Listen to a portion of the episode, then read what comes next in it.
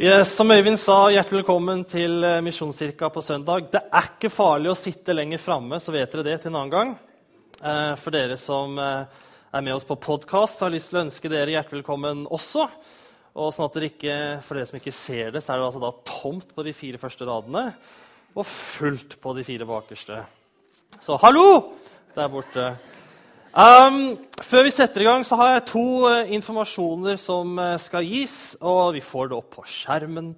Uh, det første som skjer, eller det første som skjer, sier jeg, det første som jeg skal si, det er at søndag 16. august så er det sommeravslutning. Da skal vi bli ferdig med dette her grapsværet. Um, og liksom, ja, Jeg flytta fra Kristiansand til Stavanger. liksom, Alle sa at nei, vi hadde så fint sommer i fjor, og sommeren i fjor var så bra. Og jeg kommer hit liksom, og tenker liksom, ja, det, det er sikkert litt som Kristiansand, og det er det virkelig ikke. Det er, eh, ja, det er skikkelig stusslig. Um, nå har ikke jeg ferie, så jeg sitter bare inne på kontoret. så jeg, på en måte, det går greit. Uh, men søndag 16. august så er det sommeravslutning. Uh, så da avslutter vi sommeren, vi avslutter ferien, så setter vi i gang med en ny høst. Da blir det grilling, det blir fest, det blir masse folk. Det er Frode som skal tale, hovedpastoren her. Så ta gjerne med dere en venn eller en kollega eller en nabo eller en av hver. Eh, og så blir dette en fantastisk dag i Misjonskirka. 16. august, det er altså tre søndager til. Så 28. august. Da er det medarbeiderfest her i kirka. Tidspunktet er ikke helt satt ennå, men det kommer. Og hvis du er medarbeider, eller du er medarbeider hvis du har gjort et eller annet i tjeneste for menigheten en eller annen gang. Okay? Så det er ganske åpent. Eh, hvis du har åpna døren for noen, hvis du har hilst på noen, hvis du har servert en kopp kaffe, eller hvis du har sunget og spilt eller gjort et eller annet i tjeneste for menigheten, så er du med. Og så tror jeg jeg kan driste meg på å si at hvis du har lyst til å være med i tjeneste for menigheten, da kan du bli med da òg. Okay? Så jeg håper å se mange på medarbeiderfesten 28. august. Sånn, da har jeg fått sagt det. Da skal jeg bare be en liten bønn, og så setter vi i gang. Kjære Jesus, jeg takker deg for at uh, du er her. Jeg takker for at uh, selv om du som er Gud helt sikkert har mer spennende ting å gjøre enn å være her og sammen med oss, så velger du likevel å være akkurat her. Jeg takker for at du har lyst til å tale til oss. Jeg takker for at du har lyst til å høre på oss. Og jeg ber deg om at vi ikke bare skal få måte, lære mer om deg eller vite mer om deg, men at vi også skal få lov til å møte deg og bli bedre kjent med deg, Jesus. I ditt navn. Amen. Jeg synes Det er en ganske fin bønn, det å be at man ikke bare skal få lære mer om Jesus, men også få lov til å møte ham. Og Med stor frimodighet sier jeg at den har jeg stjålet, eller den bønnen har jeg rappet fra en kar som heter Judah Smith. Judah Smith, en amerikansk eh, pastor. Hvis dere har lyst til å høre på en pastor som hopper litt mer på scenen og snakker litt høyere enn det jeg gjør, så må dere gjerne sjekke ut han eh, på nettet. Han er veldig, veldig, veldig spennende taler å høre på. Som eh, Øyvind sa, så er vi i en taleserie som heter Værmeldinger hvor vi tar for oss en del av Bibelens utsagn hvor det står at vi skal være noe. Altså vær ydmyk, vær barmhjertig, vær frimodig, vær ikke altfor rettferdig, som Frode har snakket om. Og Hvis dere har lyst til å høre noen av disse talene, eller har gått glipp av dem, eller har lyst til å vise dem til noen venner eller kjente, så kan dere gå inn på hjemmesiden til eh, Misjonskirka, som er misjonskirkenstavanger.no. Så er det en knapp hvor det står 'podkast'. Trykker du på den, så kommer du inn til alle talene som blir holdt her på gudstjenestene i kirka. Ok? Podkast på nett. Dagens værmelding som Øyvind sa, er 'vær lydig'. Vær lydig. Eh, det står veldig mye om eh, lydighet eh, i Bibelen. Og stort sett så handler det om å være lydig til Gud. At vi mennesker skal være lydige i forhold til Gud. Men det er noen tilfeller hvor Bibelen snakker om at vi skal være lydige til andre enn Gud. Ikke istedenfor, tror jeg, eh, eller jeg er egentlig ganske sikker på det, men i tillegg til Gud. Um, og Jeg nevner det nå, sånn at dere vet det, men jeg vil også si at jeg skal ikke snakke om det. Ok? Så vet dere det. Men de tre tingene som vi skal være lydige til, i tillegg til Gud, det er at vi skal være lydige til lederne våre. Uh, og da er det menighetslederne det er snakk om. Ikke liksom sjefen på, på, jobb, med mindre jobber i en menighet.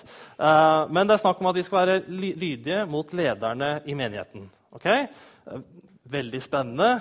Eh, som jeg som pastor syns jo det er veldig interessant. Um, lydige mot myndighetene. Og da er det snakk om eh, statsmakten, altså regjering og konge og statsminister og president og det som måtte være. Og det siste er at vi skal være lydige mot foreldrene våre. Okay? Menighetsledere, myndigheter, foreldre.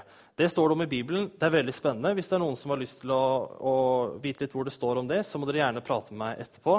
For jeg skal ikke snakke om det i dag, rett og slett for at det tar litt for lang tid. Um, jeg skal konsentrere meg om lydighet i forhold til Gud. Okay? Vær lydig. Vær lydig det er hentet fra Jakobs brev 4, vers 7a.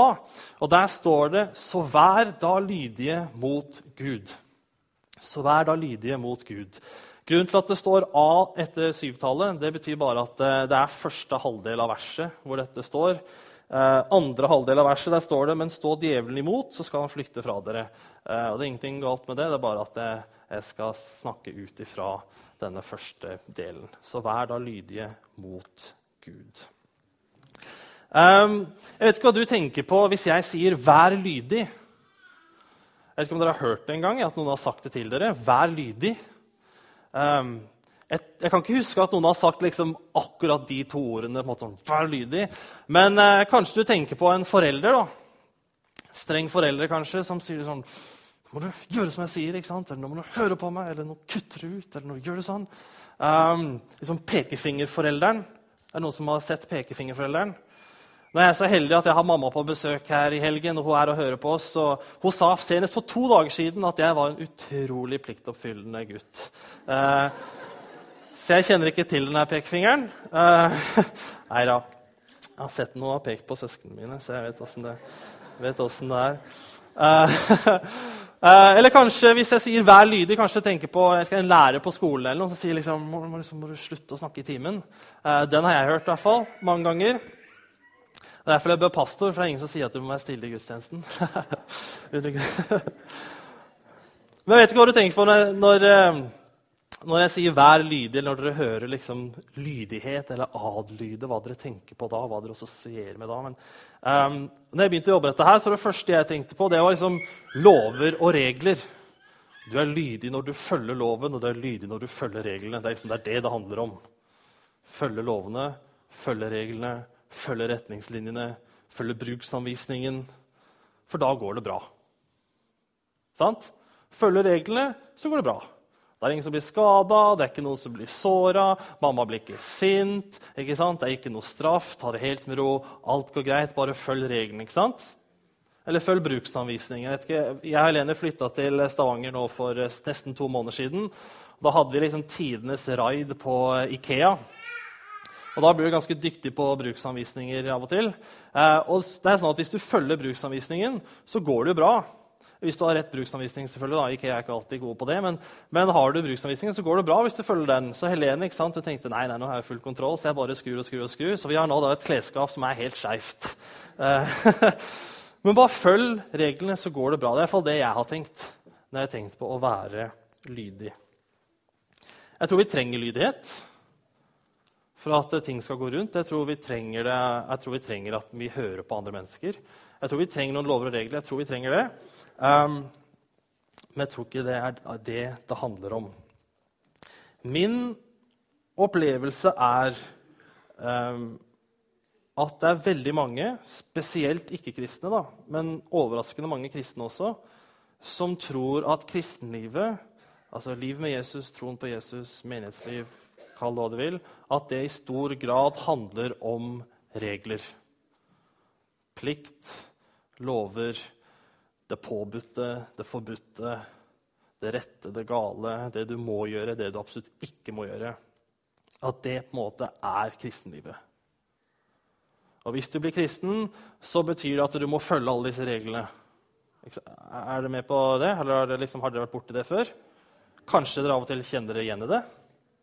Jeg kan av og til kjenne på at kristenlivet kan handle mye om liksom, nå må jeg be, nå må jeg lese Bibelen, nå må jeg gå på gudstjeneste, nå må jeg være så grei og snill hele tiden. Absolutt alltid. Nå må jeg smile, nå må jeg være glad. Nå må jeg være takknemlig, som Øyvind snakket om, selv om jeg overhodet ikke har lyst til det.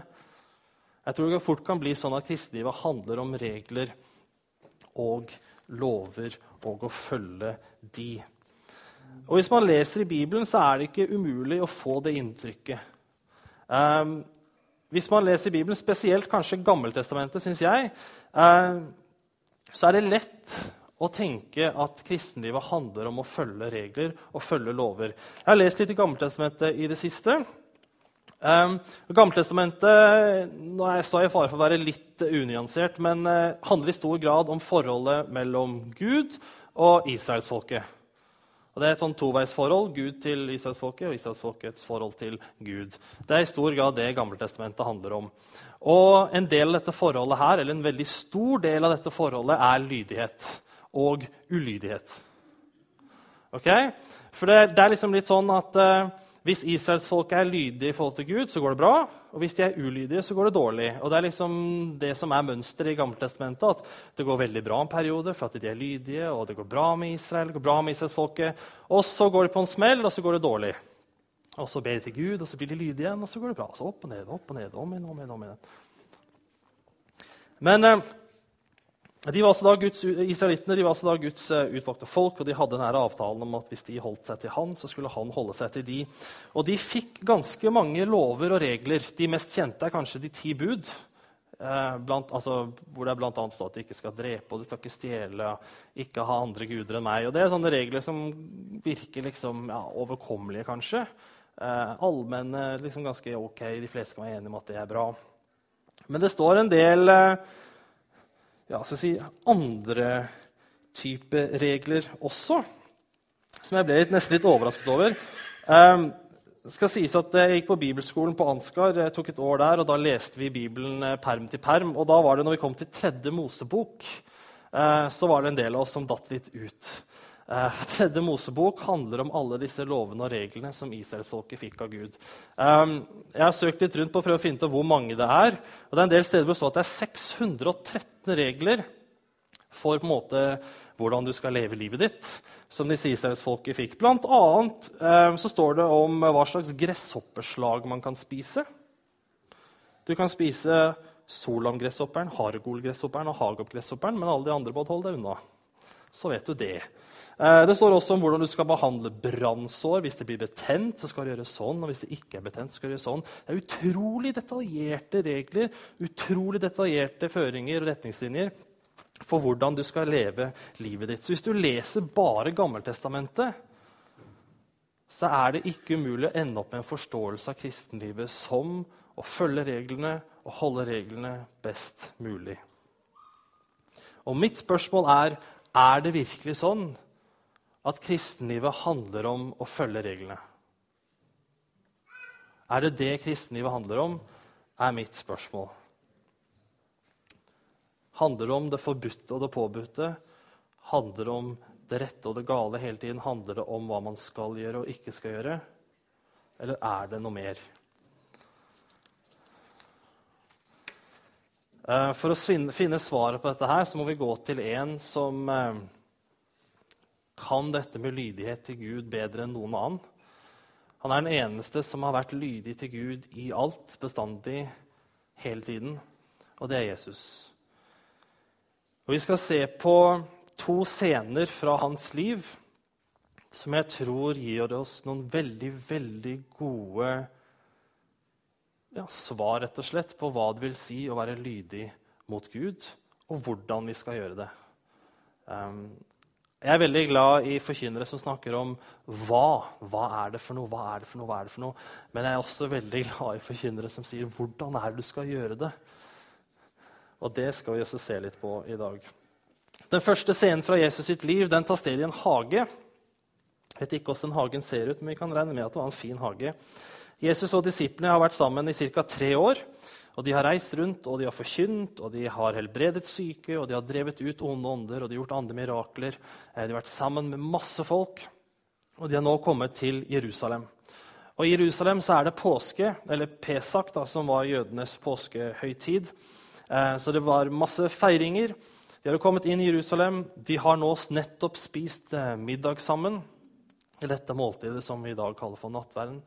Um, og Jesus har da gått sammen med disiplene ut i denne hagen, Getsemane-hagen. Og Han har da gått alene et stykke videre for å be til Gud. Og Grunnen til det er at han vet hva som venter han. Dette er helt mot slutten av Jesus sitt liv. Det er ikke mange dagene til han skal drepes. Og dette vet han. Altså, Korsfestelsen kom ikke som en overraskelse på Jesus.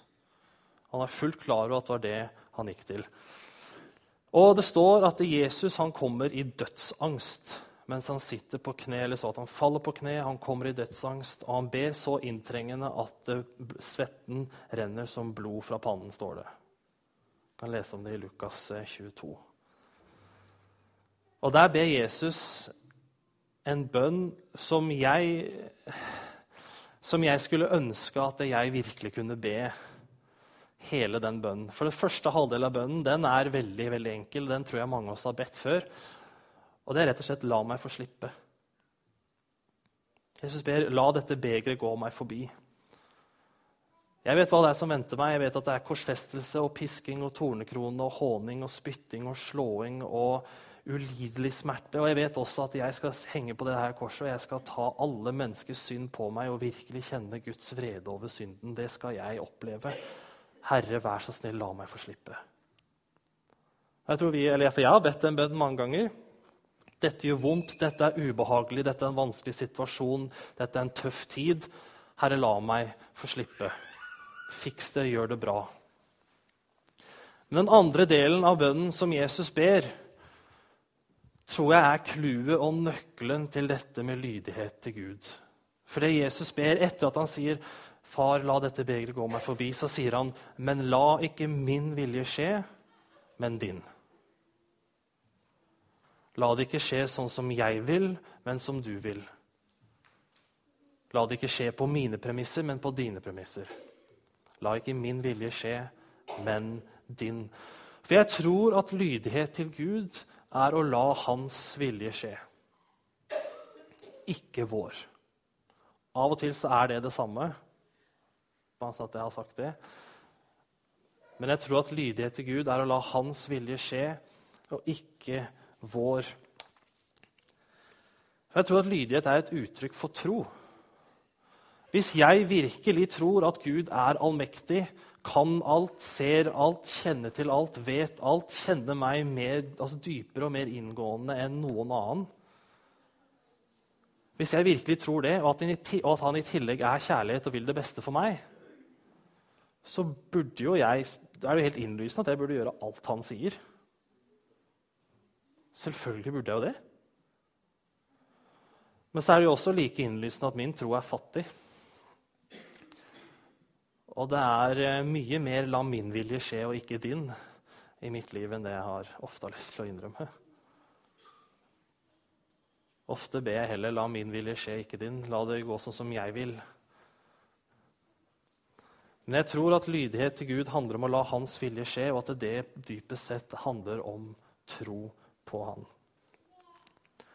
Hvis vi går til den andre scenen i Jesus sitt liv, som vi skal se litt på, så er dette her et møte mellom Jesus og en fariser. Eller si, det er en gruppe fariseere som står og snakker sammen.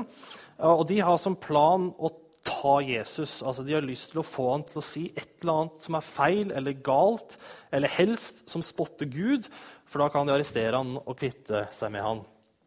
Så de velger ut en av altså de Fariseerne var også skriftlærde, dvs. Si at de kunne hele den jødiske bibelen, som er vårt Gammeltestamentet. Eh, de kunne det opp og ned og baklengs. De var eksperter på dette. her. Så det gjør at De velger ut en av disse fariseerne, en lovkyndig. Han var best på disse her budene, disse her 613 reglene som vi snakket om i stad. Han var ekspert på disse, og han gikk da til Jesus for å prøve han. Og Han stilte da Jesus et spørsmål som var Herre, eller han som mester, tror jeg, hvilket bud er det største i loven? Bud er, det er liksom en regel eller lov. da. Hvilket bud er det største i loven? Det var nemlig sånn at De tenkte at regl, altså disse reglene og budene som Gud hadde gitt til israelittene, det var et uttrykk for Guds vilje. Så de ønsket selvfølgelig å følge dette. her. Så han spør Jesus hvilket bud er det største i loven.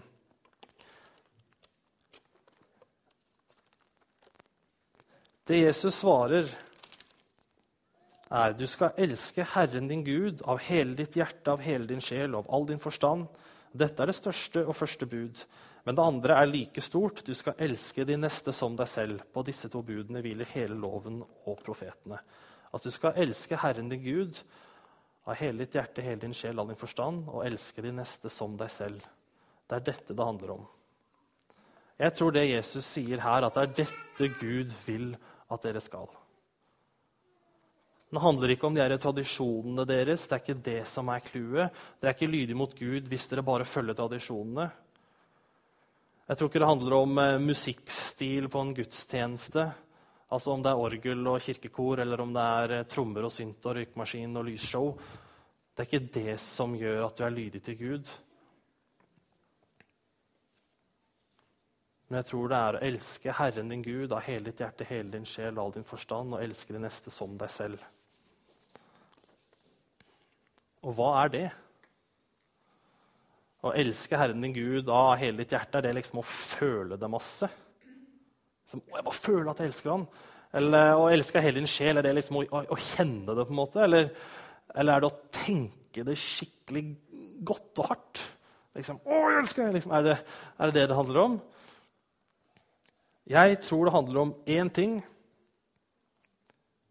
og kun én ting, eller en person, da, og det er Jesus. Å være lydig mot Gud og elske Han og alt det du har og er, det er Jesus. Det er å tro på Han, det er å følge Han, det er å elske Han, det er å lytte til Han, det er å være som Han, det er å komme til Han. Det er Jesus. Det handler ikke om å følge masse lover og masse regler. Det som i kristenlivet, menighetslivet, det handler ikke om å følge masse lover og regler. Det handler ikke først og fremst om å være tro til en tradisjon eller ikke tro til en tradisjon. Det handler ikke om stil, det handler ikke om å være perfekt, det handler ikke om å være fullkommen, det handler ikke om å få til livet. Det handler ikke om å ha den beste familien og de lydigste barna, selv om det er veldig bra. Helt sikkert. Det handler ikke om å ha den beste jobben, mest penger, fineste huset, raskeste bilen. Men det handler om Jesus. Det handler om å tro på ham. Det handler om å følge han, komme til han, lytte til han, snakke med han, være sammen med han, kjenne han. Og jeg tror det er sånn man er lydig mot Gud. Hvis lydighet mot Gud er et uttrykk for tro på Gud Og eneste veien til Gud er gjennom Jesus, så må lydighet til Gud være en tro på Jesus. Da skal vi be en bønn, så kan lovsangsteamet komme opp. Kjære Jesus, jeg takker deg for at eh, du døde for oss. Jeg takker deg for at eh, selv om du visste hva som kom til å skje, så lot du allikevel Guds vilje skje. Og jeg takker deg for det forbildet du er. Og jeg ber deg om din hjelp til å være lydige. Jeg ber om din hjelp til å kunne si, la din vilje skje, Gud, ikke min. Jeg ber også om din velsignelse over denne menigheten, om alle som er her i dag. Om at uh, din velsignelse over resten av denne søndagen. I Jesu navn. Amen.